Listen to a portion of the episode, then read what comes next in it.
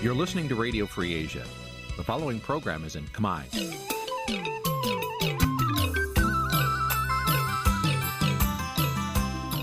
នេះជាកម្មវិធីផ្សាយ Vuthu Azizi Serai នេះជាកម្មវិធីផ្សាយរបស់ Vuthu Azizi Serai ជាភាសាខ្មែរ Vuthu Azizi Serai សូមស្វាគមន៍លោកអ្នកនាងទាំងអស់ពីរដ្ឋធានី Washington នៃសហរដ្ឋអាមេរិក។ បាទលោកនាងជាទីមេត្រីពីទីក្រុងមែលប៊នប្រទេសអូស្ត្រាលីខ្ញុំបាទថាថៃសូមជម្រាបសួរលោកនាងកញ្ញាទាំងអស់ដែលកំពុងតាមដានការផ្សាយរបស់វិទ្យុអាស៊ីសេរីទាំងអស់ជាទីមេត្រីយើងខ្ញុំសូមជូនកម្មវិធីផ្សាយសម្រាប់យប់ថ្ងៃពុធមួយកើតខែអាសាឍឆ្នាំខាលចត្វាស័កពុទ្ធសករាជ2566ត្រូវនៅថ្ងៃទី29ខែមិថុនាគ្រិស្តសករាជ2022បាទជាដំបូងនេះសូមអញ្ជើញលោកនាងស្ដាប់ព័ត៌មានប្រចាំថ្ងៃដែលមានមេត្តាដូចតទៅ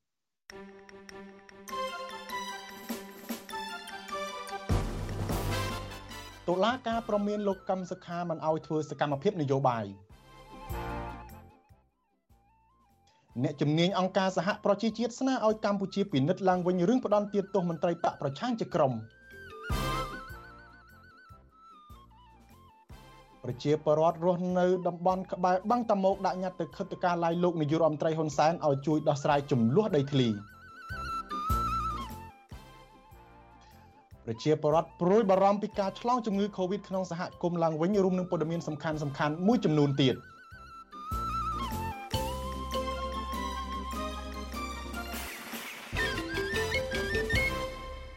បាទលោកនាងជាទីមេត្រី ជាបន្តទៅនេះសូមជូនព័ត៌មានពិស្ដាដូចតទៅតុលាការក្រុងភ្នំពេញប្រមានមេបកប្រឆាំងលោកកឹមសុខា ជាថ្មីមិនអោយធ្វើសកម្មភាពនយោបាយការប្រមាននេះធ្វើឡើងក្រោយពីតំណាងអัยការនៃសាលាដំបងរាជធានីភ្នំពេញស្នើទៅប្រធានក្រុមប្រឹក្សាជំនុំជម្រះឲ្យចាប់ខ្លួនលោកកឹមសុខាយកទៅឃុំខ្លួនក្នុងពន្ធនាគារឡើងវិញ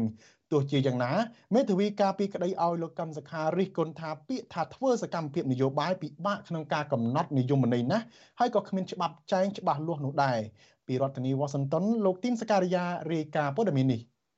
លោកកឹមសុខាប្រធានគណៈបកសង្គ្រោះជាតិបានវិលទៅផ្ទះរបស់លោកវិញក្រោយពីចាប់សវនាការកាលពីម៉ោង7:00រសៀលថ្ងៃទី29មិថុនានេះទោះជាលោកកឹមសុខាមិនត្រូវបានតុលាការបញ្ជូនទៅឃុំខ្លួនតាមសំណើរបស់តំណាងអัยការក្តីប៉ុន្តែសហមេធាវីរំពឹងថាកូនក្តីរបស់ខ្លួននឹងប្រុងប្រយ័ត្នជាងមុននិងបន្ថយសកម្មភាពរបស់ខ្លួនខ្លះដើម្បីជៀសវាងការចាប់ប្រកាន់ជាថ្មីទៀតពីតំណាងអัยការ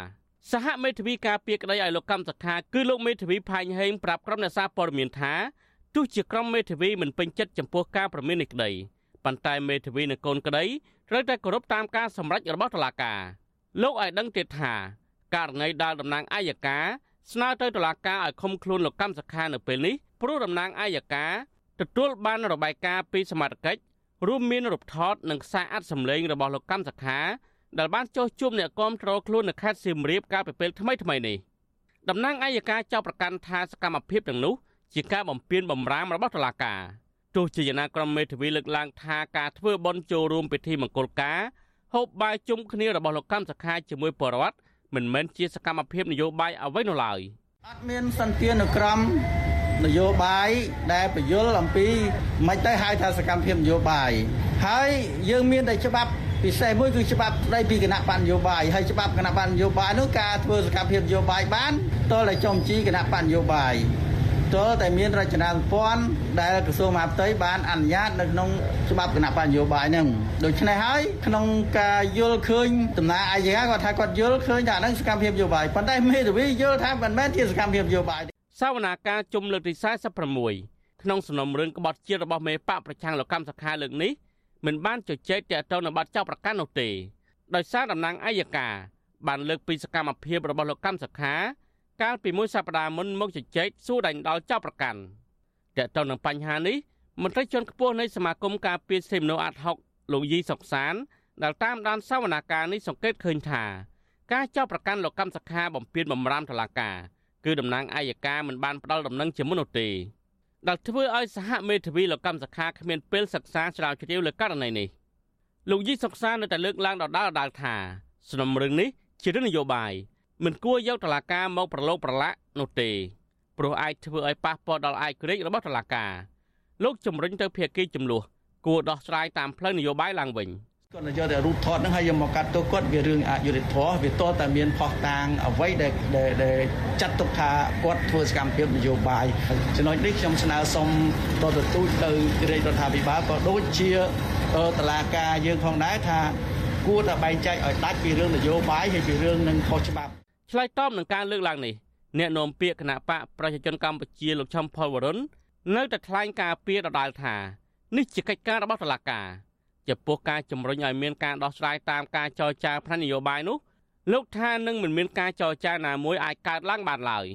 ជាអ្នកសារព័ត៌មានសួរអញ្ចឹងហើយហើយខ្ញុំធ្វើមិនទៅបើខ្ញុំអត់ដឹងហើយឆ្លើយមិនប្តីប្រពន្ធគ្នាចេះថាអីប្រហែលចេះប្រហែលចុះសង្សារគ្នាអាចនិយាយទៅប្រហែលចេះប្រហែលចុះ តុលាការបានព្រមានលោកកម្មសខានៅពេលនេះក្រោយពីមានសារសម្លេងបែកធ្លាយរបស់លោកកម្មសខាជាង40នាទីដែលទំនងជាការថ្លែងរបស់លោកក្នុងពេលជួបអ្នកគាំទ្រខ្លួននៅខេត្តសៀមរាបកាលពីថ្ងៃទី18មិថុនាកន្លងទៅក្នុងសម្លេងនោះលោកកម្មសខាបាននិយាយទាក់ទងនឹងបញ្ហានយោបាយមួយចំនួនមេបកប្រឆាំងរូបនេះលើកឡើងថាគេមិនអោយលោកធ្វើនយោបាយលោកក៏ឆ្លៀតឌឺដងទៅអតីតមនុស្សចំណិតរបស់លោកពីររូបគឺលោកប៉ុលហំនិងលោកយ៉ែមពុញរិទ្ធដែលចាកចេញពីលោកទៅបង្កើតបកថ្មី កំពុងធ្វើមុខស្វាក្រោយពីមិនទទួលបានជ័យជំនះក្នុងការបោះឆ្នោតឃុំសង្កាត់កន្លងទៅលោកកម្មសុខាក៏អះអាងជាថ្មីទៀតអំពីការបដិសម្ព័ន្ធភាពជាមួយលោកសំរងស៊ីផងដែរទោះជាយ៉ាងណាលោកមេធាវីផាញ់ហេងចង់ឃើញពាក្យថាធ្វើសកម្មភាពនយោបាយមានចែងនៅក្នុងច្បាប់ត្រឹមត្រូវលោកកម្មសុខាកំពុងជាប់ចោតពីរដ្ឋាភិបាលក្នុងសំណុំរឿងក្បត់ជាតិឬសន្តិទ្ធិភាពជាមួយរដ្ឋបរទេសត្រូវបានតុលាការហាមឃាត់លោកមិនឲ្យធ្វើសកម្មភាពនយោបាយ និងមិនឲ្យចាកចេញទៅក្រៅប្រទេសបានឡើយខ្ញុំទីនសាការីយ៉ាអសិសរីប្រធានីវ៉ាស៊ីនតោនបាទលោកនាងជាទីមេត្រីមេធាវីការពីក្តីឲ្យមន្ត្រីជនខ្ពស់គណៈបកភ្លើងទៀនលោកសុនឆៃបានដាក់ពាក្យពន្យាពេលចូលបំភ្លឺនៅក្នុងតុលាការនៅសប្តាហ៍នេះតាមដោយការកោះហៅរបស់តុលាការក្រុងភ្នំពេញដោយសារតែកូនក្តីរបស់លោក មានភារកិច្ចនៅក្រៅប្រទេសនៅឡើយ អង្គការសង្គមស៊ីវិលថាការប្តឹងរបស់គណៈបកប្រជាជនកម្ពុជាកន្លងមកនេះគឺជារឿងមិនត្រឹមត្រូវបាទលោកសេចបណ្ឌិតរាយការណ៍ព័ត៌មាននេះដីកាកោះហៅរបស់តុលាការឲ្យលោកសុនឆៃចូលមកបំភ្លឺនៅពេលនេះក្រោយពីមានបណ្ដឹងរបស់គណៈបកប្រជាជនកម្ពុជាពាក់ព័ន្ធនឹងការរិះគន់របស់លោកសុនឆៃជុំវិញការបោះឆ្នោតជ្រើសរើសក្រុមប្រឹក្សាឃុំសង្កាត់អាណត្តិទី5កន្លងទៅថ្មីថ្មីនេះថាมันប្រព្រឹត្តទៅដោយសេរីត្រឹមត្រូវនិងយុត្តិធម៌ មេធាវីការពីក្តីឲ្យលោកសុនឆៃគឺលោកជួងជងីប្រាប់អ្នកសារព័ត៌មាននៅក្រៅរបងតុលាការនាព្រឹកថ្ងៃទី29ខែមិថុនានេះថា កូនក្តីរបស់លោកមិនបានចូលបំភ្លឺតាមការកោះហៅរបស់តុលាការក្នុងសប្តាហ៍នេះបានទេដោយសារតែកូនក្តីរបស់ខ្លួនមិនបានស្ថិតនៅក្នុងស្រុកនៅឡើយគាត់កំពុងតែមានភារកិច្ចនៅក្រៅប្រទេសរហូតដល់ថ្ងៃទី3ខែកក្កដាឆ្នាំ2022ទើបឯកឧត្តមសុនឆៃត្រឡប់មកស្រុកខ្មែរវិញដូច្នេះគាត់សូមឲ្យខ្ញុំជាមេត្រីដាក់ពាក្យសូមពជាទាការចូលឆ្លើយបំភ្លឺរបស់គាត់បាទលោកមេធាវីជូជូងីបន្តថា ការកោះហៅលោកសុនឆៃពេលនេះ គឺពាក់ព័ន្ធនឹងការប្តឹងរបស់មេធាវីគីតិច ដែលទទួលការផ្ដល់សិទ្ធិពីលោកសៃឈុំអនុប្រធានគណៈបកប្រជាជនកម្ពុជាប្តឹងលោកសុនឆៃដែលជាអនុប្រធានគណៈបកភ្លើងទៀនក្រោយពីលោករិះគន់ពីដំណើរការបោះឆ្នោតកាលពីថ្ងៃទី5ខែមិថុនាកន្លងទៅនេះជុំវិញរឿងនេះ វិទ្យុអាស៊ីសេរីនៅពុំទាន់អាចតាក់ទងអ្នកនាំពាក្យសាលាដំបងរាជធានីភ្នំពេញលោកគុជកំឡុងដើម្បីបញ្ជាក់អំពីការប្តឹងផ្តល់គ្នានេះនៅថ្ងៃទី29ខែមិថុនាដោយទូរស័ព្ទចូលតែពុំមានអ្នកទទួលចំណែកតំណាងអាយកាសាលាដំបងរាជធានីភ្នំពេញលោកជាមេតក៏មិនទាន់អាចតាក់ទងបានដែរចំណែកអ្នកនាំពាក្យសមាគមការពារសិទ្ធិមនុស្សអាត6លោកសឹងសានករណាប្រាប់បទសុអាស៊ីសីថា ការប្តឹងផ្ដាល់ពីគណៈបកកណ្ដាលអំណាចកន្លងទៅនេះហាក់ដូចជាមិនសមទំនងក្នុងនាមជាអ្នកនយោបាយនោះទេលោកបន្តថាវាជារឿងធម្មតាទៅហើយ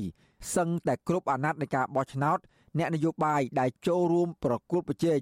បើសិនជាមើលឃើញថាដំណើរការបោះឆ្នោតមិនមានភាពប្រក្រតីគឺត្រូវតែមានការរិះគន់ដើម្បីឲ្យមានភាពល្អប្រសើរដូច្នេះលោកគិតថា មិនមែនជាកំហុសនោះទេ ចំពោះការរិះគន់របស់គណៈបកភ្លើងទៀននោះលោកស្នើសុំឲ្យអ្នកនយោបាយគួរតែមានភាពចាស់ទុំក្នុងការជជែកគ្នា ជាជាងការប្រឹងផ្ដាល់ដើម្បីតែការឈ្នះចាញ់ព័ន្ធនឹងវិវាទនយោបាយនេះយើងតែងតែឃើញវាកើតមានឡើងស្ទើរតែរាល់ពេលអាណត្តិនៃការបោះឆ្នោតមកដល់ម្ដងម្ដងហ្នឹងគឺវិលចុះវិលឡើងតែប៉ុណ្ណឹង ចឹងដើម្បីបញ្ចប់នៅវប្បធម៌នេះខ្ញុំយល់ថាអ្នកនយោបាយគួរតែចាស់ទុំនយោបាយហើយព្រោះវាកើតឡើងច្រើនហើយគឺយើងអាចយកការទម្លាប់ការទៅជែកគ្នារកដំណោះស្រាយនៅអ្វីដែលជាការរកឃើញឬក៏មិនរកឃើញនឹងយកមកទៅជែកគ្នាដើម្បីរកដំណោះស្រាយធ្វើយ៉ាងណាកែប្រែនិងកែតម្រង់ការបោះឆ្នោតនឹងឲ្យคล้ายជាការបោះឆ្នោតមួយដែលអាចទទួលយកបានពីគ្រប់ភាគី អនុប្រធានគណៈបកភ្លើងទៀនលោកសុនឆៃកាលពីថ្ងៃទី14ខែមិថុនាត្រូវបានគណៈបកប្រជាជនកម្ពុជាប្តឹងទៅកាន់អាយកាអមសាលាដំបងរាជធានីភ្នំពេញពាក់ព័ន្ធអំពីការរិះគន់រឿងបោះឆ្នោតដែលថាធ្វើឲ្យប៉ះពាល់ដល់កិត្តិយសរបស់គណៈបកប្រជាជនកម្ពុជា ហើយគណៈបកនេះថែមទាំងប្តឹងទាមទារសំណងជំងឺចិត្តចំនួន1លានដុល្លារនិងតម្រូវឲ្យលោកសុនឆៃសុំទោសជាសាធារណៈ ចំណែកគណៈកម្មាធិការជ្រៀបចំការបោះឆ្នោតហៅកាត់ថាគោចបក៏បានប្តឹងលោកសុនឆៃពីបទបរហាកេរជាសាធារណៈអ្នកដែលបានដាក់ពាក្យប្តឹងនោះគឺអ្នកនាំពាក្យគោចបលោកដឹមសវណ្ណរមនិងអគ្គលេខាធិការរងគោចបលោកសោមសូរីដាដែលជាមន្ត្រីស្និទ្ធជាមួយនឹងរដ្ឋាភិបាលលោកហ៊ុនសែននៅក្នុងពាក្យបណ្ដឹងចុះកាលពីថ្ងៃទី17ខែមិថុនាបានបញ្ជាក់ថា ការថ្លែងរបស់លោកសុនឆៃធ្វើឲ្យប៉ះពាល់ធ្ងន់ធ្ងរដល់ស្ថាប័នជាតិមួយនេះខ្ញុំបាទសេកបណ្ឌិតវិទ្យុអាស៊ីសេរីពីរដ្ឋធានីវ៉ាស៊ីនតោនបាទលោកនាងជាទីមេត្រីលទ្ធផលផ្លូវការនៃការបោះឆ្នោតជ្រើសរើសក្រុមប្រឹក្សាឃុំសង្កាត់អាណត្តិទី5ឆ្នាំ2022នេះបង្ហាញថាគណៈបកភ្លឹងទៀនកំពុងក្លាយជាពលនយោបាយតំណាងឲ្យគណៈបកធំជាងគេមួយនៅកម្ពុជា ក្រោយការរំលាយគណៈបកសង្គ្រោះជាតិតើលទ្ធផលនៃការបោះឆ្នោតនេះឆ្លុះបញ្ចាំងយ៉ាងណាខ្លះពីអត្តពលនៃគណៈបកនយោបាយរបស់គណៈបកនីមួយៗនៅកម្ពុជា ជាពិសេសសម្រាប់ការបោះឆ្នោតជាតិនៅខែកក្កដាឆ្នាំ2023ខាងមុខនេះបាទលោកមានរិទ្ធនឹងរាយការណ៍ផ្ទាល់ជុំវិញព័ត៌មាននេះអាស៊ីសេរី បាទលោកនាងជាទីមេត្រីគណៈបកប្រជាជនកម្ពុជាចាប់ផ្ដើមពង្រឹងកម្លាំងអ្នកគាំទ្រនៅប្រទេសអូស្ត្រាលីនិងប្រទេសណូវេសឡង់ឡើងវិញបន្ទាប់ពីធូរស្រាលនៃជំងឺ Covid-19 រយៈពេលមួយសប្តាហ៍មកនេះប្រធានក្រុមការងាររៀបចំអង្គការចាត់តាំងយុវជនគណៈបក គណៈបកប្រជាជនកម្ពុជាប្រចាំប្រទេសអូស្ត្រាលីនៅវេសឡង់លោកកឹមសន្តិភាពដែលជារដ្ឋលេខាធិការក្រសួងយុតិធធនិងជាមនុស្សចំណិតរបស់លោកហ៊ុនម៉ាណែតកំពុងធ្វើដំណើរតាមរដ្ឋផ្សេងផ្សេងនៅក្នុងប្រទេសអូស្ត្រាលីដើម្បីរៀបចំប្រារព្ធពិធីអបអរសាទរខួបអនុស្សាវរីយ៍លើកទី71នៃថ្ងៃបង្កើតគណៈបកប្រជាជនកម្ពុជាតើគណៈបកកណ្ដាលអំណាចមានគោលបំណងអ្វីខ្លះទើបខិតខំពង្រឹងអធិបុលនៅក្រៅប្រទេស តើសកម្មភាពរបស់គណៈបកកណ្ដាលអំណាចជាការអនុវត្តសិទ្ធិនយោបាយធម្មតាឬជាការជ្រៀតជ្រែកកិច្ចការបរទេសដែលច្បាប់អូស្ត្រាលីហាមឃាត់បាទនៅពេលបន្តិចទៀតនេះយើងនឹងមានបទសម្ភាសន៍មួយអំពីរឿងនេះជាមួយនឹងមន្ត្រីជាន់ខ្ពស់របស់គណៈបកសង្គ្រោះជាតិប្រចាំនៅប្រទេសអូស្ត្រាលី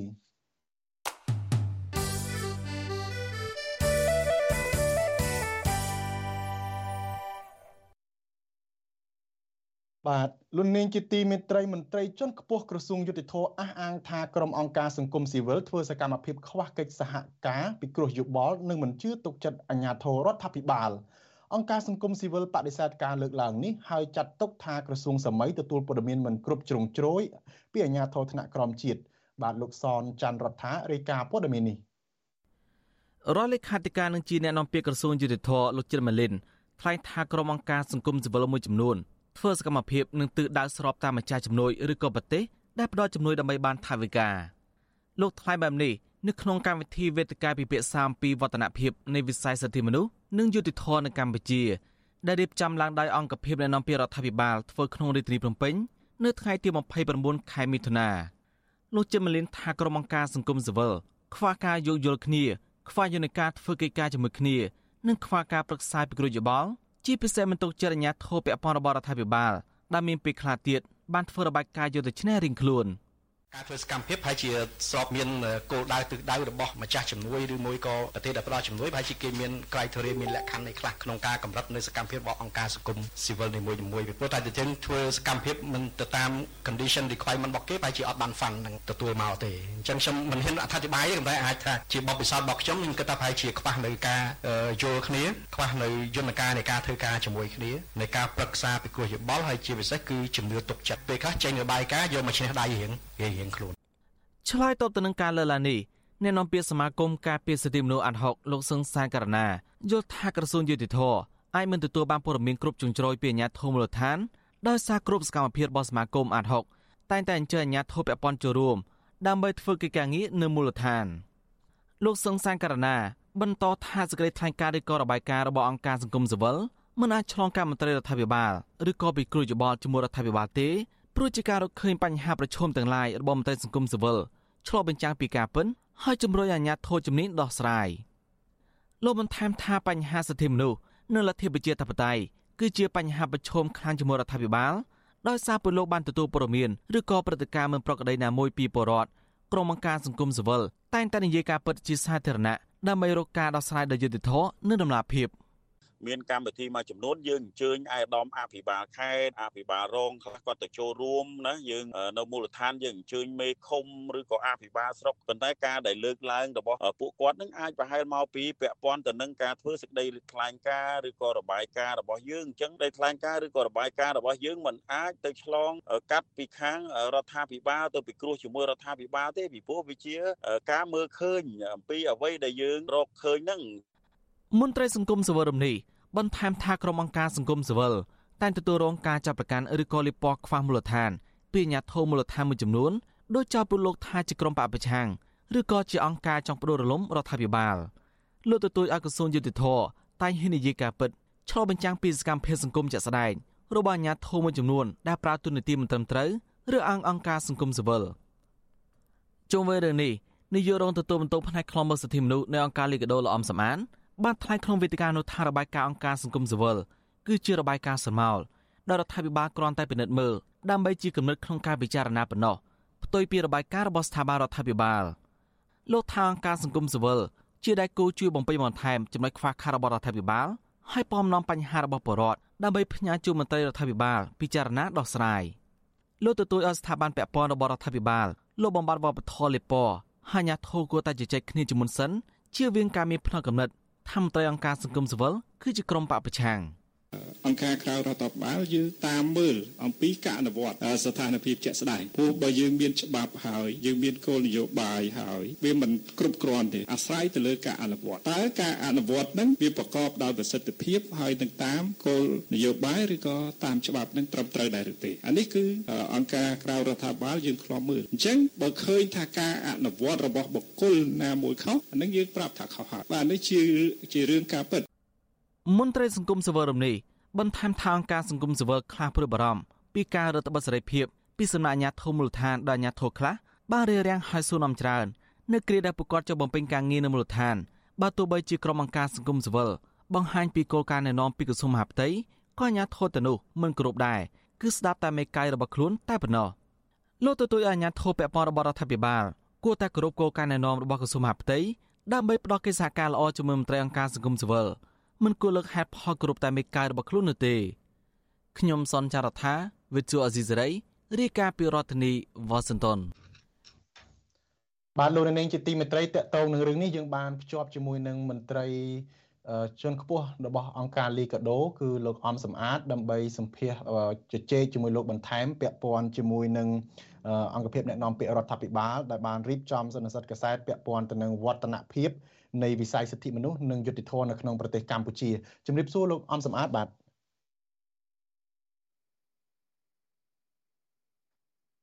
លោកអំសាសម្បត្តិទទួលបានទេបាទជំរាបសួរលោកបាទ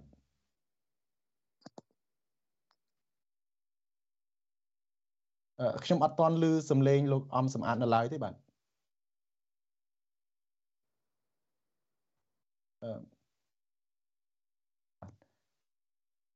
លោកអំ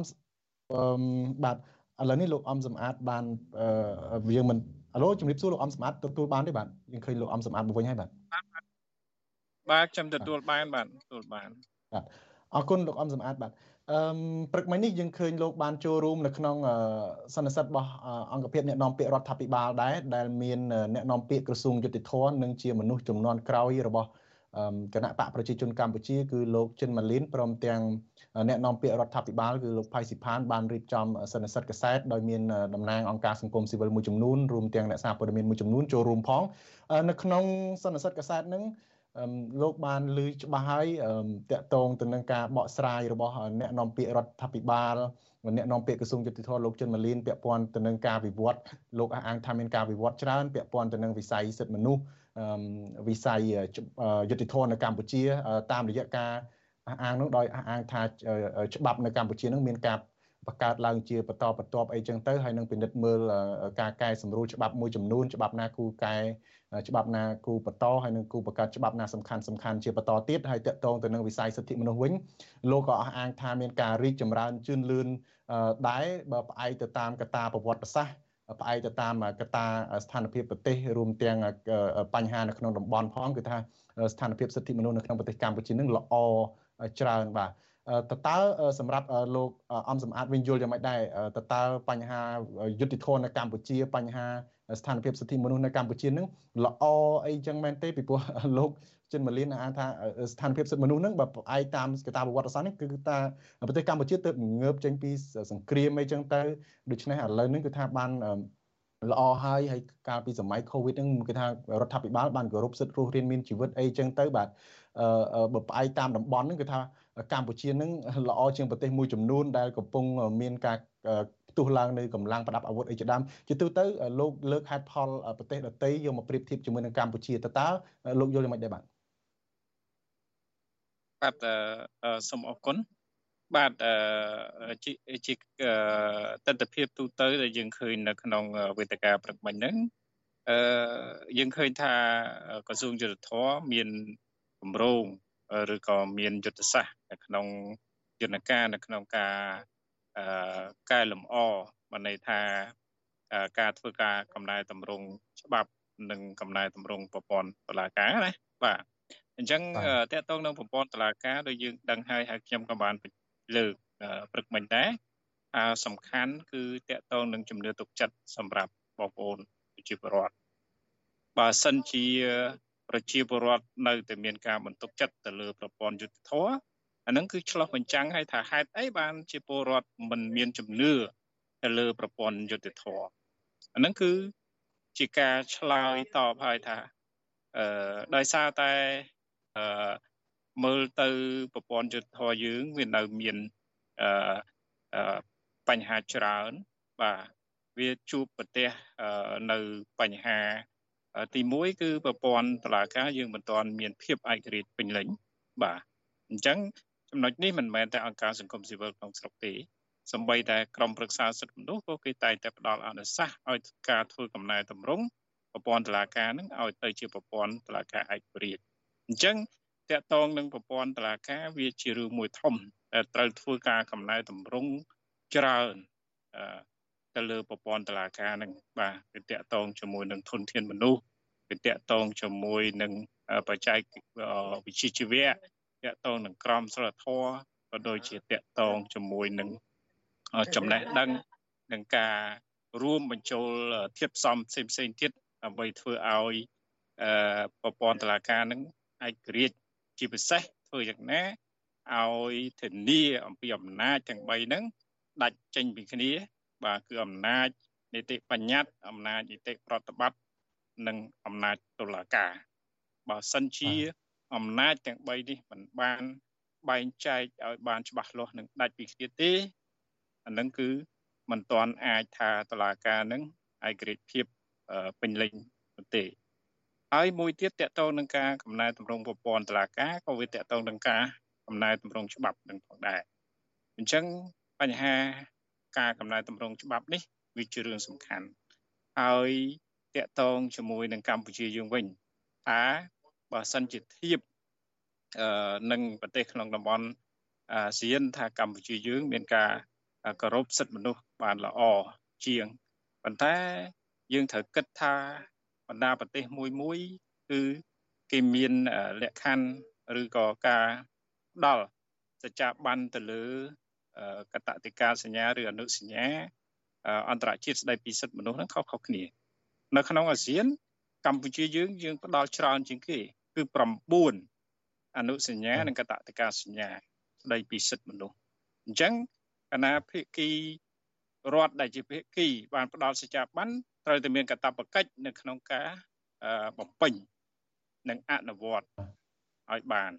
តាមកតតិកាឬអនុសញ្ញានឹងអញ្ចឹងកាលណាយើងទទួលនៅអឺបទដ្ឋានទាំងអស់នោះ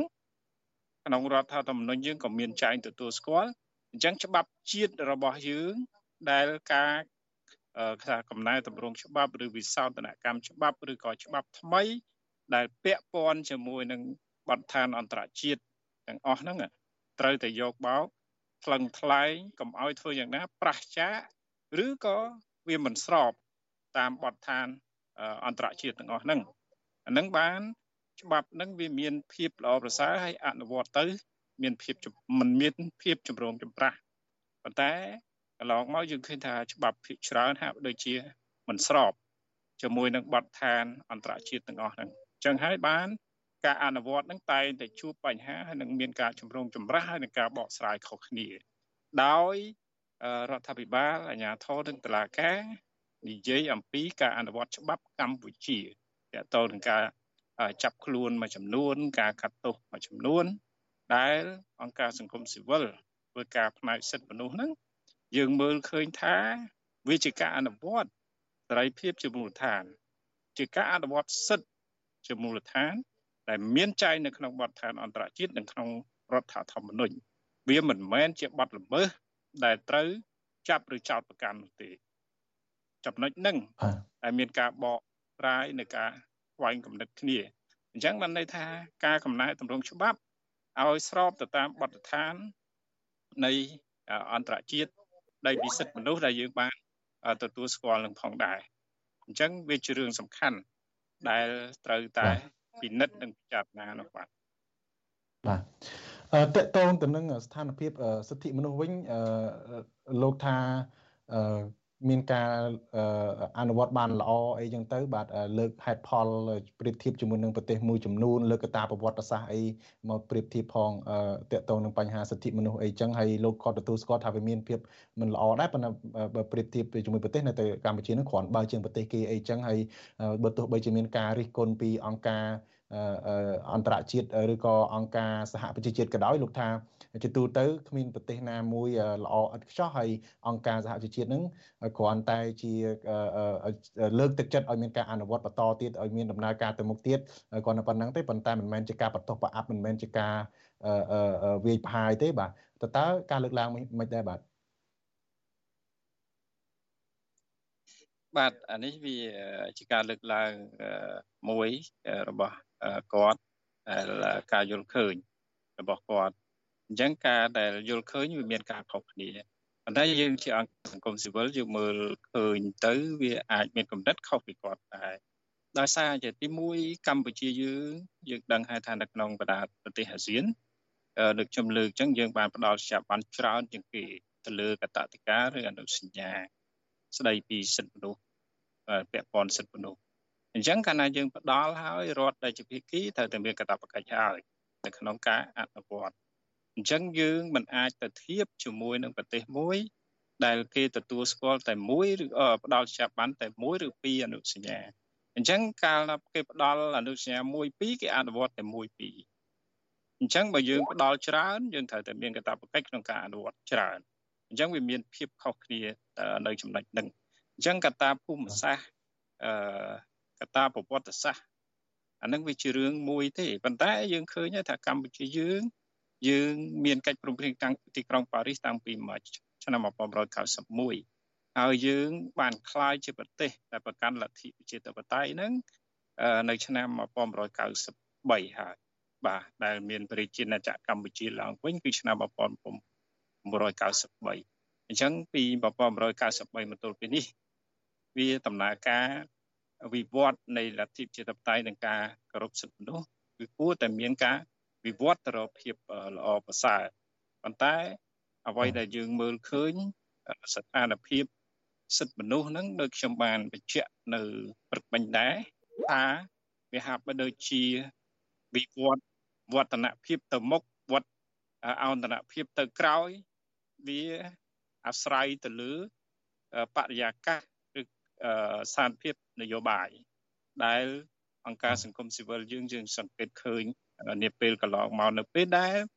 មានបញ្ហាវិបត្តិជាប់គាំងរឿងនយោបាយឬក៏មានភាពស្មុគស្មាញតកតងនឹងរឿងស្ថានភាពនយោបាយវាជាកត្តាមួយទាញនៃស្ថានភាពសិទ្ធិមនុស្សហ្នឹងឲ្យធ្លាក់ចុះដែរអញ្ចឹងយើង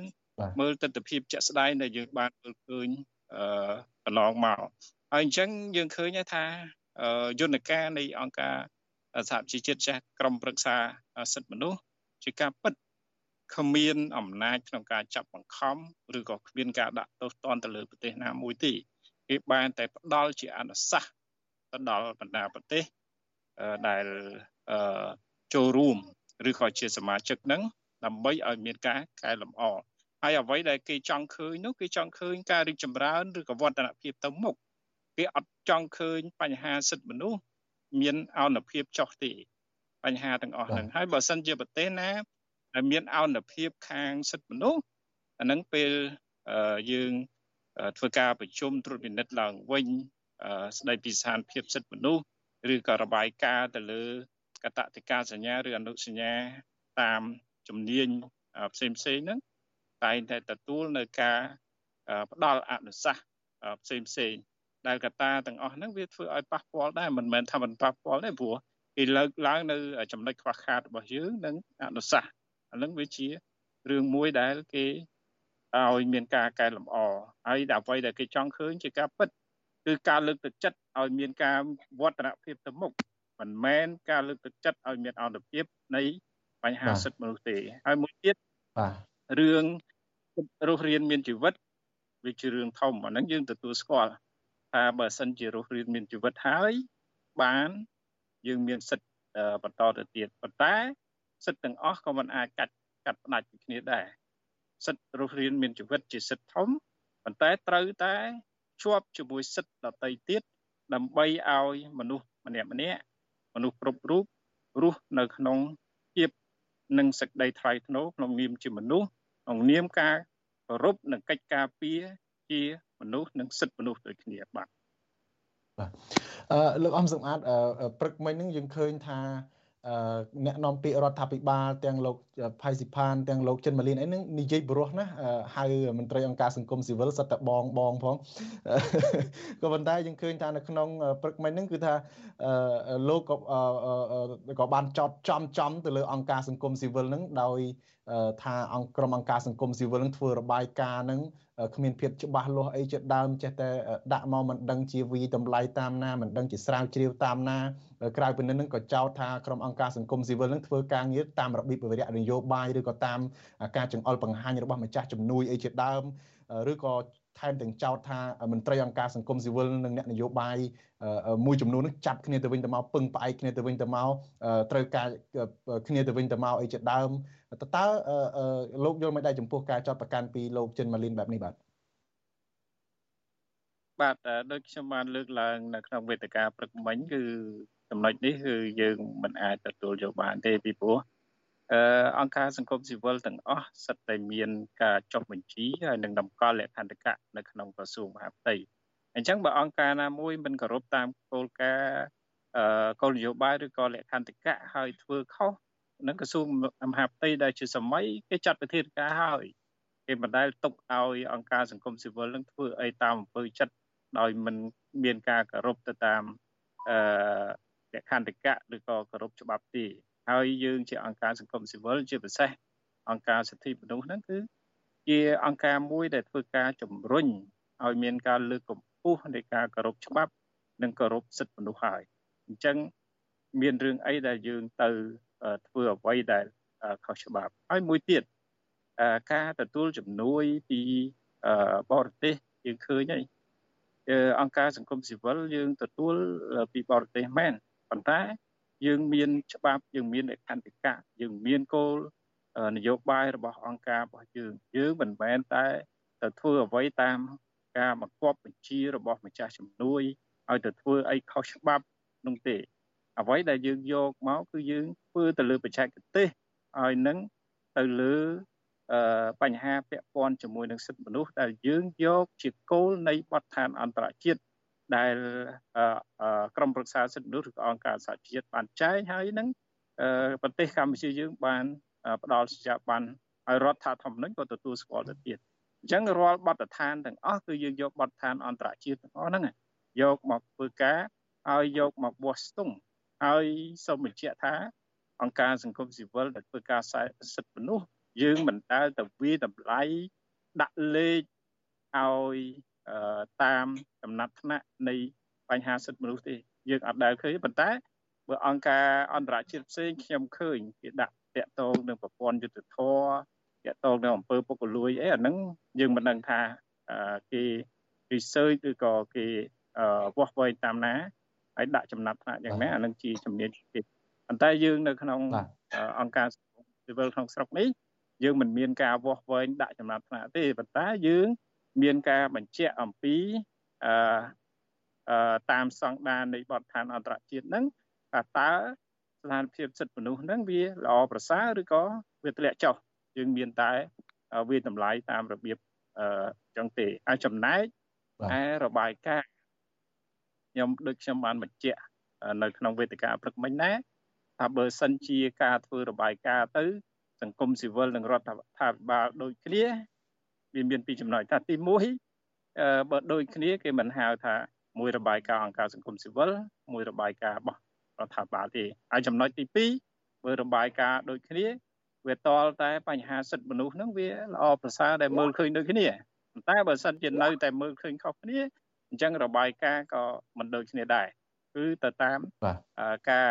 តម្លៃទៅលើបទដ្ឋានអន្តរជាតិស្តីពីសិទ្ធិមនុស្សដែលយើងកម្ពុជាយើងបានទទួលស្គាល់នឹងបាទអញ្ចឹងអឺជារឿយៗយើងតែតែឃើញថារាល់របាយការណ៍របស់អង្គការសង្គមស៊ីវិលជាតិនិងអន្តរជាតិរហូតទៅដល់ក្រុមប្រឹក្សាសិទ្ធិមនុស្សឬអង្គការសហជីវជាតិចេញអំពីរបាយការណ៍ស្ថានភាពសិទ្ធិមនុស្សតែងតែ មន្ត្រីរដ្ឋាភិបាលលើកឡើងថារបាយការណ៍ទាំងអស់នោះវាមិនឆ្លុះបញ្ចាំងការពិតវាជារបាយការណ៍មួយ មានចរិតនយោបាយទៅវិញដែលយើងឥឡូវនេះខាងរដ្ឋាភិបាលហ្នឹងថែមទាំងចង់ឲ្យ អង្គការសង្គមស៊ីវិលហ្នឹងមុនចេញរបាយការណ៍ហ្នឹងជជែកអីពិគ្រោះយោបល់អីជាមួយរដ្ឋាភិបាលផងដើម្បីឲ្យចេញរបាយការណ៍ហ្នឹងគឺថាអាចទទួលយកបានអីចឹងទៅកុំឲ្យចេះចេញរបាយការណ៍មកចេះតែខុសខុសអីចឹងណាបាទតើតើមិនដែរអង្គការសង្គមស៊ីវិលនឹងសហការអីមុននឹងចេញរបាយការណ៍ឲ្យខាងរដ្ឋាភិបាលពិនិត្យមើលអីចឹងទេបាទខ្ញុំថាតែយើងចេះទេ យើងអង្គការសង្គមស៊ីវិលក៏យើងមានឯករាជ្យភាពរបស់យើងដែរយើងធ្វើអីដែលខ្ញុំបញ្ជាក់អញ្ចឹងសូម្បីតែតាមម្ចាស់ជំនួយយើងមិនធ្វើតាមបង្គាប់បញ្ជាផងចុះរឿងអីដែលយើងមុននឹងចេញរបាយការណ៍តើតែរដ្ឋាភិបាលមន្ត្រីរដ្ឋាភិបាលលោកឯកភាពបានយើងចេញបានអានឹងមិនមែនទេហើយខ្ញុំជឿថារដ្ឋាភិបាលក៏មិនធ្វើអញ្ចឹងដែរពីព្រោះអានេះវាជាឯករាជ្យភាពរបស់អង្គការសង្គមស៊ីវិលមួយមួយ ដែលចេញរបាយការណ៍នៅអ្វីដែលជាទស្សនវិជ្ជាជាក់ស្ដែងដែលគេបានរកឃើញហើយនឹងធ្វើការបញ្ចេញពីរបាយការណ៍នោះបាទហើយរបាយការណ៍ដែលយើងចេញដូចខ្ញុំបានបញ្ជាក់ចឹងអង្គការសង្គមស៊ីវិលគឺយើងពឹងផ្អែកទៅលើអឺបទដ្ឋាននៃអន្តរជាតិស្ដីពីសិទ្ធិមនុស្សហ្នឹងជាគោលហើយហើយពីព្រោះនៅលើពិភពលោកនេះវាអត់បានបែងចែកថា បញ្ហាសិទ្ធិមនុស្សនៅអាស៊ីបញ្ហាសិទ្ធិមនុស្សនៅកម្ពុជាអញ្ចេះបញ្ហាសិទ្ធិមនុស្សនៅតំបន់នោះត្រូវអនុវត្តស្តង់ដារនេះស្តង់ដារនោះអត់មានទេព្រោះជាគោលគឺពឹងទៅលើបទដ្ឋានអន្តរជាតិដែលអឺមានចែងហើយប្រទេសមួយមួយទទួលស្គាល់នឹងហើយដែលយកមកពិនិត្យនិងប្រៀបធៀបថាតើយើងដើរបានល្អប្រសើរដល់ចំណុចណា នៅខ្វះខាតអីដែលមានការផ្ដល់អត្ថសាសន៍ អញ្ចឹងយើងឃើញថារបាយការណ៍នៅក្រមប្រឹក្សាសិទ្ធិមនុស្សឬក៏ការត្រួតពិនិត្យឡើងវិញនៃរបាយការណ៍ប្រចាំប្រទេសនីមួយៗស្ដីពីសិទ្ធិមនុស្សហៅថា UPR ហ្នឹងក៏គេមើលទៅលើទស្សនវិជ្ជាទាំងអស់ហ្នឹងដែរហើយដូចខ្ញុំបញ្ជាក់ថារដ្ឋាភិបាលលោកមានរបាយការណ៍មួយហើយរបាយការណ៍រដ្ឋាភិបាលពេញលេញច្រើនទំព័រ ប៉ុន្តែរបាយការណ៍របស់អង្គការសង្គមស៊ីវិលមិនច្រើនទំព័រទេគឺគេកំណត់ទៅទៀតអញ្ចឹងវាអត់មានទស្សនវិជ្ជាអីដែលចំទាស់នឹងគ្នាពីព្រោះរបាយការណ៍ស្របនិងរបាយការណ៍ស្រមោលហើយរបាយការណ៍ស្រមោលរបស់អង្គការសង្គមស៊ីវិលនេះគឺមានលក្ខណៈតិចទេព្រោះគេកំណត់ទំព័រឲ្យផងបាទ បាទអរគុណលោកអំសំអាតដែលបានចូលរួមផ្ដល់កិច្ចពិភាក្សានៅរាត្រីនេះបាទឲ្យដឹងថាលោកលវលដែរបើនៅលោកនៅតែឆ្លៀតចូលរួមជាមួយយើងបាទសូមអរគុណលោកអំសំអាតសូមជម្រាបលាបាទបាទសូមជម្រាបលាបាទបាទលោកនាងជាទីមេត្រីតកតងនឹងបញ្ហាសិទ្ធិមនុស្សនេះដែរក្រុមអ្នកជំនាញសិទ្ធិមនុស្សអង្គការសហប្រជាជាតិព្រួយបារម្ភចំពោះការអនុវត្តនីតិវិធីមិនត្រឹមត្រូវលើសកម្មជននយោបាយរបស់គណៈបកប្រឆាំងជាច្រើនអ្នក ក្តីបារម្ភនេះកើតមានក្រោយពេលតុលាការក្រុងភ្នំពេញផ្ដន្ទាទោសកម្មជននយោបាយរាប់សិបនាក់ដាក់ពន្ធនាគារកាលពីពេលថ្មីថ្មីនេះតំណាងរដ្ឋាភិបាលលោកហ៊ុនសែនឆ្លើយទៅអ្នករីអ្នកជំនាញសិទ្ធិមនុស្សអង្គការសហប្រជាជាតិវិញថាតុលាការកម្ពុជាអនុវត្តច្បាប់ដោយត្រឹមត្រូវបាទលោកយ៉ងច័ន្ទរារាយការណ៍ព័ត៌មាននេះក្រុមអ្នកជំនាញសិទ្ធិមនុស្សអង្គការសហប្រជាជាតិអំពាវនាវឲ្យអាជ្ញាធរកម្ពុជាត្រួតពិនិត្យឡើងវិញជាបន្ទាន់ចំពោះដំណើរការនីតិវិធីទៅលើអ្នកនយោបាយគណៈបកប្រឆាំងជាច្រើនអ្នក បន្ទាប់ពីជនជាប់ចោតយ៉ាងហោចណាស់ចំនួន43នាក់ត្រូវបានគេកាត់ទោសនៅក្នុងសវនាការទ្រង់ទ្រាយធំពីបទរួមគំនិតក្បត់និងញុះញង់ហើយត្រូវបានផ្ដន្ទាទោសឲ្យជាប់ពន្ធនាគាររហូតដល់ទៅ8ឆ្នាំក្រុមអ្នកជំនាញសិទ្ធិមនុស្សអង្គការសហប្រជាជាតិលើកឡើងនៅក្នុងសេចក្តីថ្លែងការណ៍នៅថ្ងៃទី29មិថុនាថាលទ្ធផលនៃសវនាការនៅតុលាការក្រុងភ្នំពេញ បង្កើតឲ្យមានភាពជាគំរូនៃការជំនុំជម្រះបែបនយោបាយដ៏មានបញ្ហាជាមួយនឹងកំហុសឆ្គងរបស់តុលាការក្រុមអ្នកជំនាញដដែលជំរុញឲ្យរដ្ឋាភិបាលកម្ពុជាពិនិត្យនិងកែតម្រូវឡើងវិញជាបន្ទាន់ចំពោះដំណើរការក្តីនេះដើម្បីធានានូវសិទ្ធិទទួលបានការជំនុំជម្រះដោយយុត្តិធម៌របស់ជនជាប់ចោទក្រុមអ្នកជំនាញអង្គការសហប្រជាជាតិដែលបានចេញសេចក្តីថ្លែងការណ៍រួមគ្នានេះ រួមមានអ្នករាយការណ៍ពិសេសអង្គការសហប្រជាជាតិទទួលបន្ទុកសិទ្ធិមនុស្សនៅកម្ពុជាលោកវិទិតមុនថាបនអ្នករាយការណ៍ពិសេសស្ដីពីសិទ្ធិសេរីភាពនៃការប្រមូលផ្ដុំដោយសន្តិវិធី និងការចងក្រងជាសមាគមលោក Clement Nialet Sosiwol និងអ្នករាយការណ៍ពិសេសស្ដីពីឯករាជ្យរបស់ចៅក្រមនិងមេធាវីគឺលោក Diego Garcia Sayan ក្រុមអ្នកជំនាញសិទ្ធិមនុស្សអង្គការសហប្រជាជាតិទាំង3រូបពិនិត្យឃើញថាសាលក្រមដែលកើតចេញពីសវនាការចំនួន20លើក ធ្វើឡើងនៅចន្លោះពីខែវិច្ឆិកាឆ្នាំ2020រហូតដល់ខែឧសភាឆ្នាំ2022នេះមានបញ្ហាផ្នែកនីតិវិធីជាច្រើនចំណុចក្នុងនោះមានដូចជាជនជាប់ចោតមួយចំនួនមិនត្រូវបានអនុញ្ញាតឲ្យចូលរួមនៅក្នុងសវនាការហើយចុងក្រោយត្រូវបានកាត់ក្តីដោយកំបាំងមុខការបដិសេធមិនឲ្យទទួលបានឯកសារទាំងស្រុងនៃសំណុំរឿងការរំលោភបំពានទៅលើគោលការណ៍សន្មត់ទុកជាមុនតែគ្មានទោសការអូសបន្លាយពេលឃុំខ្លួនបណ្ដោះអាសន្នហួសពីច្បាប់កំណត់ ហើយនឹងកង្វះភ័ស្តុតាងរឿងមាំអង្គហេតុនិងការសន្និដ្ឋានជាក់លាក់ដែលបង្ហាញអំពីបទល្មើសព្រមទាំងការបញ្ជូនមេធាវីអន្តរជាតិកញ្ញាសេងធីរីទៅឃុំខ្លួននៅពន្ធនាគារខេត្តព្រះវិហារដែលជាតំបន់ដាច់ស្រយាលជាដើមទោះជាយ៉ាងណាសេចក្តីថ្លែងការណ៍នេះត្រូវបានបដិសេធដោយតំណាងរដ្ឋាភិបាលលោកហ៊ុនសែនស្ថានបេសកកម្មអចិន្ត្រៃយ៍កម្ពុជាប្រចាំនៅអង្គការសហប្រជាជាតិលើកឡើងនៅក្នុងសេចក្តីថ្លែងការណ៍នៅថ្ងៃទី29មិថុនាថា តុលាការកម្ពុជាជំនុំជម្រះក្តីនេះដោយផ្អែកទៅលើភ័ស្តុតាងរឹងមាំនិងស្របទៅតាមនីតិវិធីត្រឹមត្រូវពួកគេបានចាត់ទុកសេចក្តីថ្លែងការណ៍របស់ក្រុមអ្នកជំនាញសិទ្ធិមនុស្សអង្គការសហប្រជាជាតិនេះថាធ្វើឡើងដោយខុសឆ្គងនិងមានភាពលំអៀងតំណាងរដ្ឋាភិបាលលោកហ៊ុនសែនដដែលនេះថែមទាំងទទូចដល់អ្នករាយការណ៍ពិសេសទាំង3រូបអនុវត្តទូនាទីរបស់ខ្លួនឲ្យបានម៉ឺងម៉ាត់ស្របទៅតាមក្រមសីលធម៌និងមានភាពឯករាជ្យ ផ្ទុយពីការលើកឡើងនេះអ្នកនាំពាក្យសមាគមអាត6លោកសឹងសែនករណាថ្លែងថាអ្វីដែលក្រុមអ្នកជំនាញសិទ្ធិមនុស្សអង្គការសហប្រជាជាតិលើកឡើងនោះគឺជាការពិតហើយស្របទៅនឹងការវិតម្លៃរបស់អង្គការសង្គមស៊ីវិលក្នុងស្រុកដែរលោកថាអ្នកជំនាញអង្គការសហប្រជាជាតិបំពេញតួនាទីស្របទៅតាមអាណត្តិនិងឯករាជ្យភាពរបស់ពួកគាត់លោកបន្ថែមថារដ្ឋាភិបាលកម្ពុជាគួរតែពិចារណានឹងកែលម្អចំណុចខ្វះខាតជាជាងវាយបកទៅក្រុមអ្នកជំនាញអង្គការសហប្រជាជាតិវិញយ៉ាងដូចនេះ។ នៅល្អនៅឡើយទេដែលខាងអដំស្នងការការសហជីវជាតិក៏ដូចជាអ្នកជំនាញសិទ្ធិមនុស្សនោះគេនៅរកឃើញគេនៅលើកឡើងហើយគេប្រាប់អំពីបញ្ហាកំហុសឆ្គងទាំងអស់នោះដើម្បីឲ្យយើងដឹងឲ្យយើងលឺហើយយើងពិនិត្យមើលធ្វើការកែលម្អឲ្យវាមានភាពល្អប្រសើរឡើងប៉ុន្តែផ្ទុយទៅវិញអាការច្រានចោលដដែលដដែលនឹងទៅវិញទេដែលធ្វើឲ្យស្ថានភាពសិទ្ធិមនុស្សនឹងកាន់តែធ្លាក់ធ្ងន់ធ្ងរទៅធ្ងន់ធ្ងរទៅហើយវាប៉ះពាល់ទៅដល់កម្ពុជានៅលើឆាកអន្តរជាតិនឹងឯងបាទ កន្លងទៅការបដិសេធរបស់ភាគីរដ្ឋាភិបាលចំពោះមតិរិះគន់ទាំងឡាយតាក់ទងទៅនឹងបញ្ហាសិទ្ធិមនុស្សនេះមិនបានផ្ដល់ផលចំណេញអ្វីដល់កម្ពុជាឡើយមានតែធ្វើឲ្យខាតបង់ទៅវិញទេជាឧទាហរណ៍សហភាពអឺរ៉ុបបានដកហូតឋានៈអនុគ្រោះពន្ធ EBA ចំនួន20%ពីកម្ពុជាដោយសារតែរដ្ឋាភិបាលលោកហ៊ុនសែនមិនព្រមស្ដារស្ថានភាពសិទ្ធិមនុស្សនិងប្រជាធិបតេយ្យឲ្យល្អប្រសើរឡើងវិញ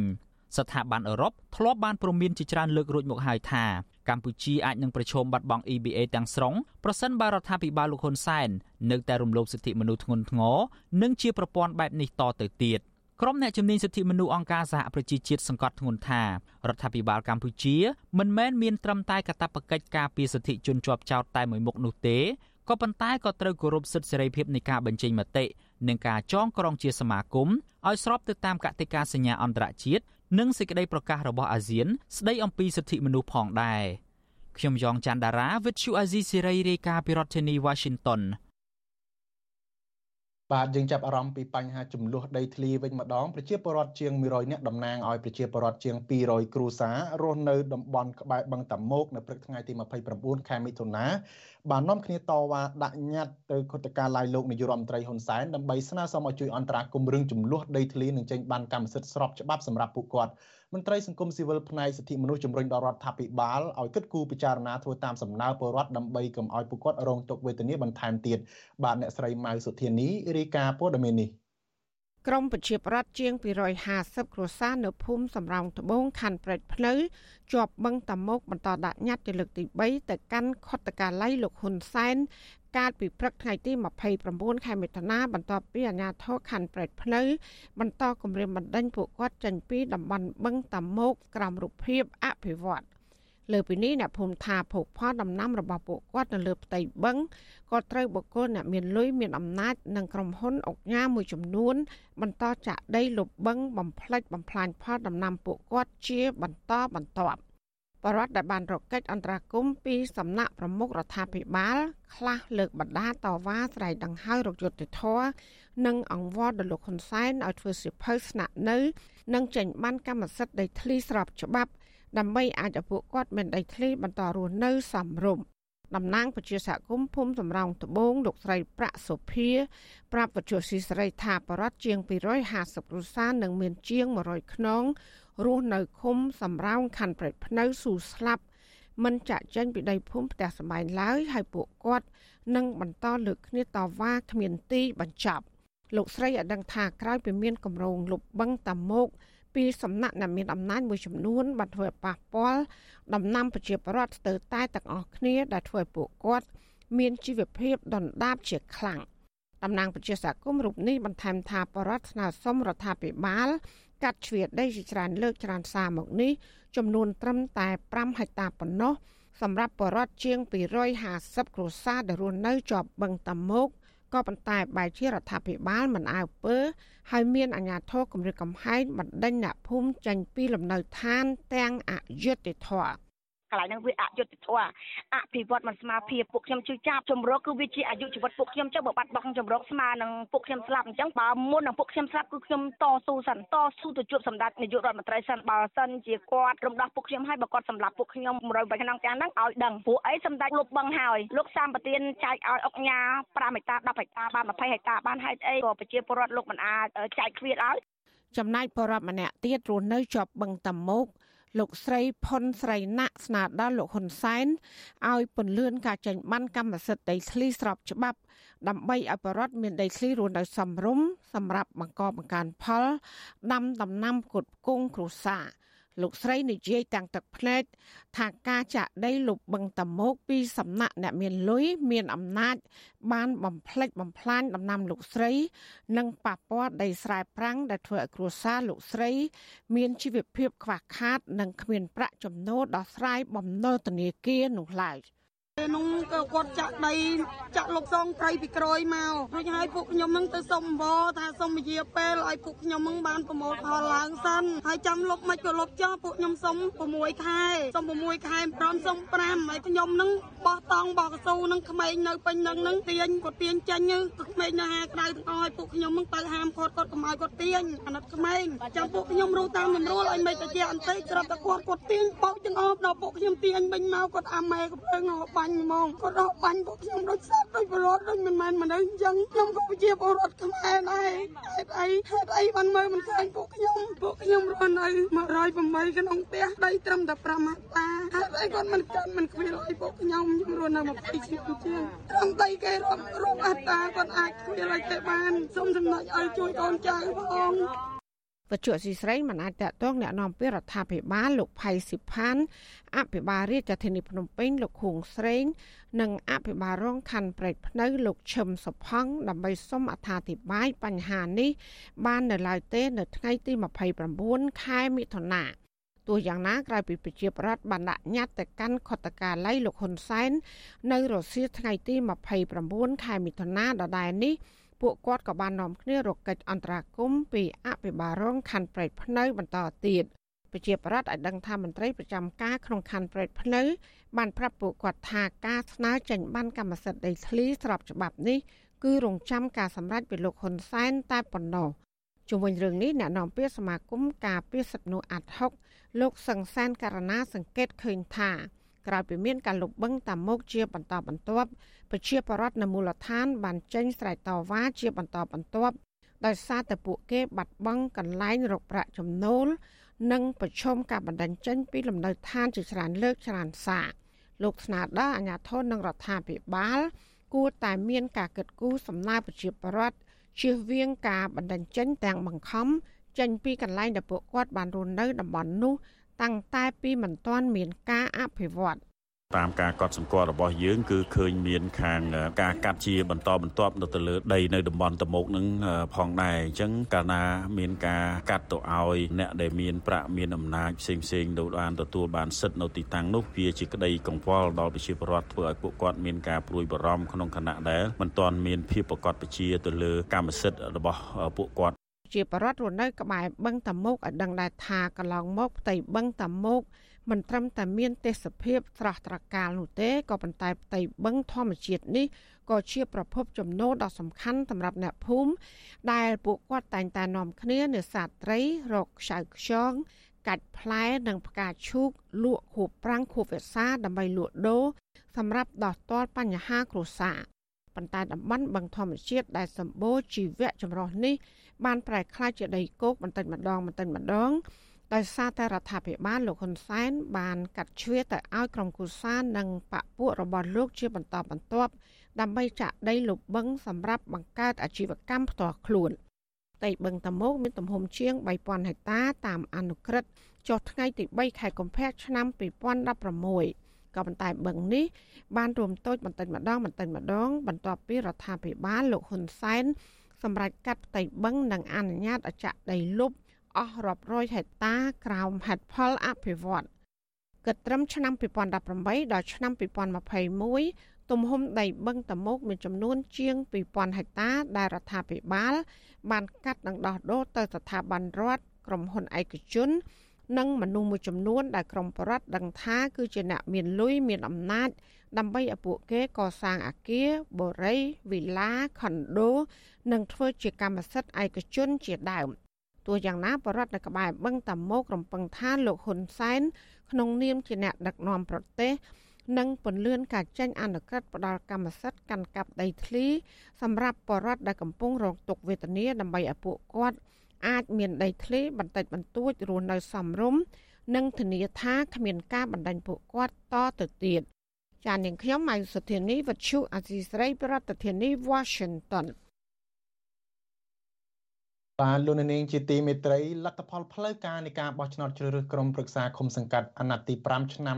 2022នេះបង្ហាញថាគណៈបកភ្លើងទៀនកំពុងក្លាយជាពលនយោបាយតំណាងឲ្យគណៈបកប្រឆាំងធំជាងគេមួយនៅកម្ពុជាក្រោយពីគណៈបកសង្គ្រោះជាតិត្រូវបានរំលាយតើលទ្ធផលនៃការបោះឆ្នោតនេះឆ្លុះបញ្ចាំងយ៉ាងណាខ្លះពីឥទ្ធិពលនយោបាយរបស់គណៈបកនីមួយៗនៅកម្ពុជាជាពិសេសសម្រាប់ការបោះឆ្នោតជាតិនៅខែកក្កដាឆ្នាំ2023ខាងមុខ បាទជាបន្តទៅនេះយើងអឺនឹងមានលោកមានរិទ្ធដើម្បីរាយការណ៍ផ្ទាល់ជំវិញព័ត៌មាននេះជំរាបសួរលោកមានរិទ្ធបាទបាទជំរាបសួរលោកថាថៃបាទសុខសប្បាយបាទបាទបាទអរគុណលោកមានរិទ្ធសុខសប្បាយធម្មតាបាទអរគុណអឺលោកមានរិទ្ធអឺចង់ឲ្យលោកសង្ខេបទ្រុសទ្រុសតកតងទៅនឹងលទ្ធផលផ្លូវការនៃការបោះឆ្នោតនេះបើធៀបនឹងអាណត្តិមុនមុនតើតើលោកសង្កេតឃើញយ៉ាងម៉េចដែរបាទ បាទយើងឃើញទាំងអស់គ្នាហើយលទ្ធផលផ្លូវការដែលកោចបទៅបានប្រកាសនាពេលថ្មីថ្មីនេះឃើញថាក្នុងចំណោមគណៈបកនយោបាយទាំង17គណៈបកដែលបានចូលរួមប្រគល់ប្រជែងក្នុងការបោះឆ្នោតគុំសង្កាត់អាណត្តិទី5នេះគឺមាន9គណៈបកនយោបាយដែលទទួលបានសម្លេងឆ្នោតឬក៏ថាមានសម្លេងអាសនៈនៅក្នុងក្រុមប្រឹក្សាគុំសង្កាត់នឹងហើយក្នុងចំណោមគណៈបកទាំង9ដែលទទួលបានសម្លេងឬមានអាសនៈហ្នឹងគឺមានតែគណៈបកប្រជាជនកម្ពុជា និងគណៈបកភ្លើងទៀនទេដែលមានអាសនៈច្រើនជាងគេគណៈបកប្រជាជនកម្ពុជាគឺនៅរក្សាបានកម្លាំងនៅថ្នាក់មូលដ្ឋានបានច្រើនដដែលគឺរហូតដល់ទៅអាសនៈចំនួន9376អាសនៈឃុំសង្កាត់នៅទូទាំងប្រទេសហ្នឹងឬក៏ស្មើនឹងសម្លេងចំនួនអាសនៈជាមេឃុំហ្នឹងគឺបានចំនួន 1648អាសនៈជាមេឃុំក្នុងចំណោមអាសនៈឃុំសង្កាត់សរុបនៅទូទាំងប្រទេសហ្នឹងមានចំនួន1652អាសនៈរីឯគណៈបកភ្លើងទៀនវិញទទួលបានអាសនៈមេឃុំដូចយើងដឹងហើយថាបានឈ្នះបាន4ឃុំនៅទូទាំងប្រទេសភាគច្រើនគឺនៅខេត្តកំពង់ធំចំនួន3ឃុំហើយនៅខេត្តកំពង់ចាមចំនួន1ឃុំ បើគិតជាសម្លេងឆ្នោតវិញលោកថាថៃគឺគណៈបកប្រជាជនកម្ពុជានឹងទទួលបានសម្លេងនៅទូទាំងប្រទេសបានសម្លេងគ្រប់គ្រងជាង5លាន3សែនសម្លេងជាងហើយគិតជាភាគរយស្មើនឹង80ជាងភាគរយនៃចំនួនពលរដ្ឋដែលបានចេញទៅបោះឆ្នោតសរុបនោះហើយរីឯគណៈបកភ្លើងទៀនគឺទទួលបានសម្លេងគ្រប់គ្រងឬក៏សម្លេងឆ្នោតសរុបនៅទូទាំងប្រទេសមានជាង1លាន6សែន សម្លេងឬស្មើនឹង18%ជាងលោកថាថៃក្រៅពីនោះគឺមានគណៈបកដតីទៀតនៅតែរក្សាសម្លេងដែរក៏ប៉ុន្តែទទួលបានការគ្រប់គ្រងតិចតួចប៉ុណ្ណោះនៅតាមខេត្ត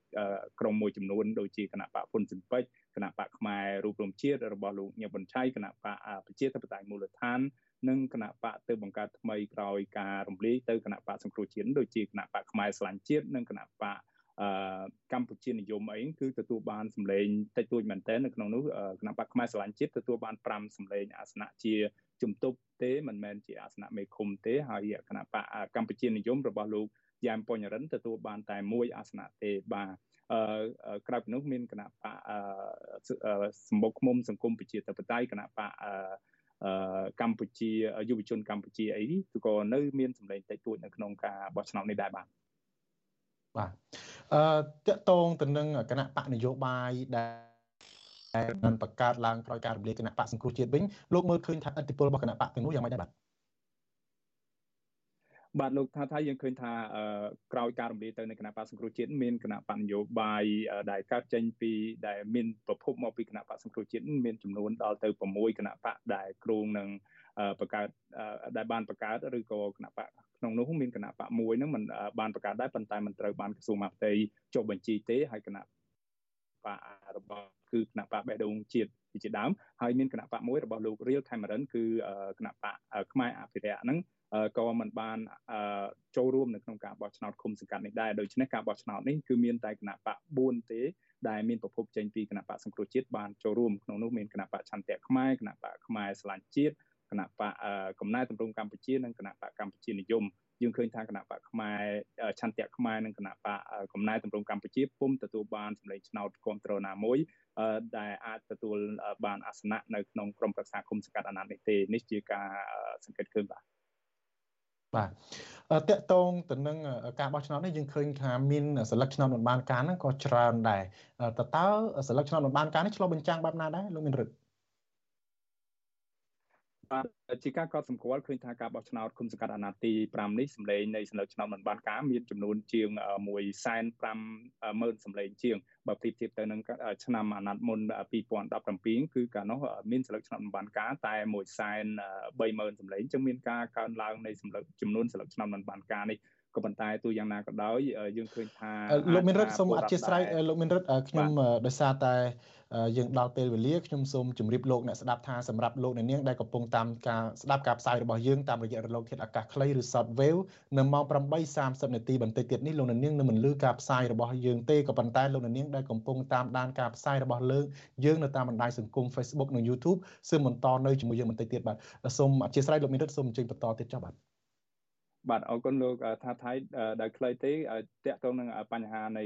ចំនួនស្លឹកឆ្នោតមិនបានការនេះយើងដឹងថាពលរដ្ឋដែលបានចេញទៅបោះឆ្នោតនៅក្នុងអាណត្តិនេះហ្នឹងគឺមានចំនួនជាង7លាន3សែននាក់ក្នុងចំណោមពលរដ្ឋដែលបានចុះបញ្ជីបោះឆ្នោតហ្នឹងជាង9លាន2សែននាក់ក៏ប៉ុន្តែបើគិតជាភាគរយគឺបានប្រមាណជា80%ហើយចំនួនពលរដ្ឋចេញទៅបោះឆ្នោតហ្នឹងគឺធៀបទៅនឹងអាណត្តិមុនហ្នឹងគឺមានការ ធ្លាក់ចុះបន្តិចគឺប្រមាណជា10%បើប្រៀបធៀបទៅនឹងការបោះឆ្នោតកាលពីឆ្នាំ2017នោះដែលពលរដ្ឋចេញទៅបោះឆ្នោតបានជាង7លានមួយសែនអ្នកជាងនោះបាទហើយនៅក្នុងឆ្នាំអាណត្តិនេះហ្នឹងគឺចំនួនស្លឹកឆ្នោតមិនបានការហ្នឹងមានរហូតដល់ទៅ150,000សម្លេងជាងដែលខុសពីការបោះឆ្នោត2017ហ្នឹងមានតែ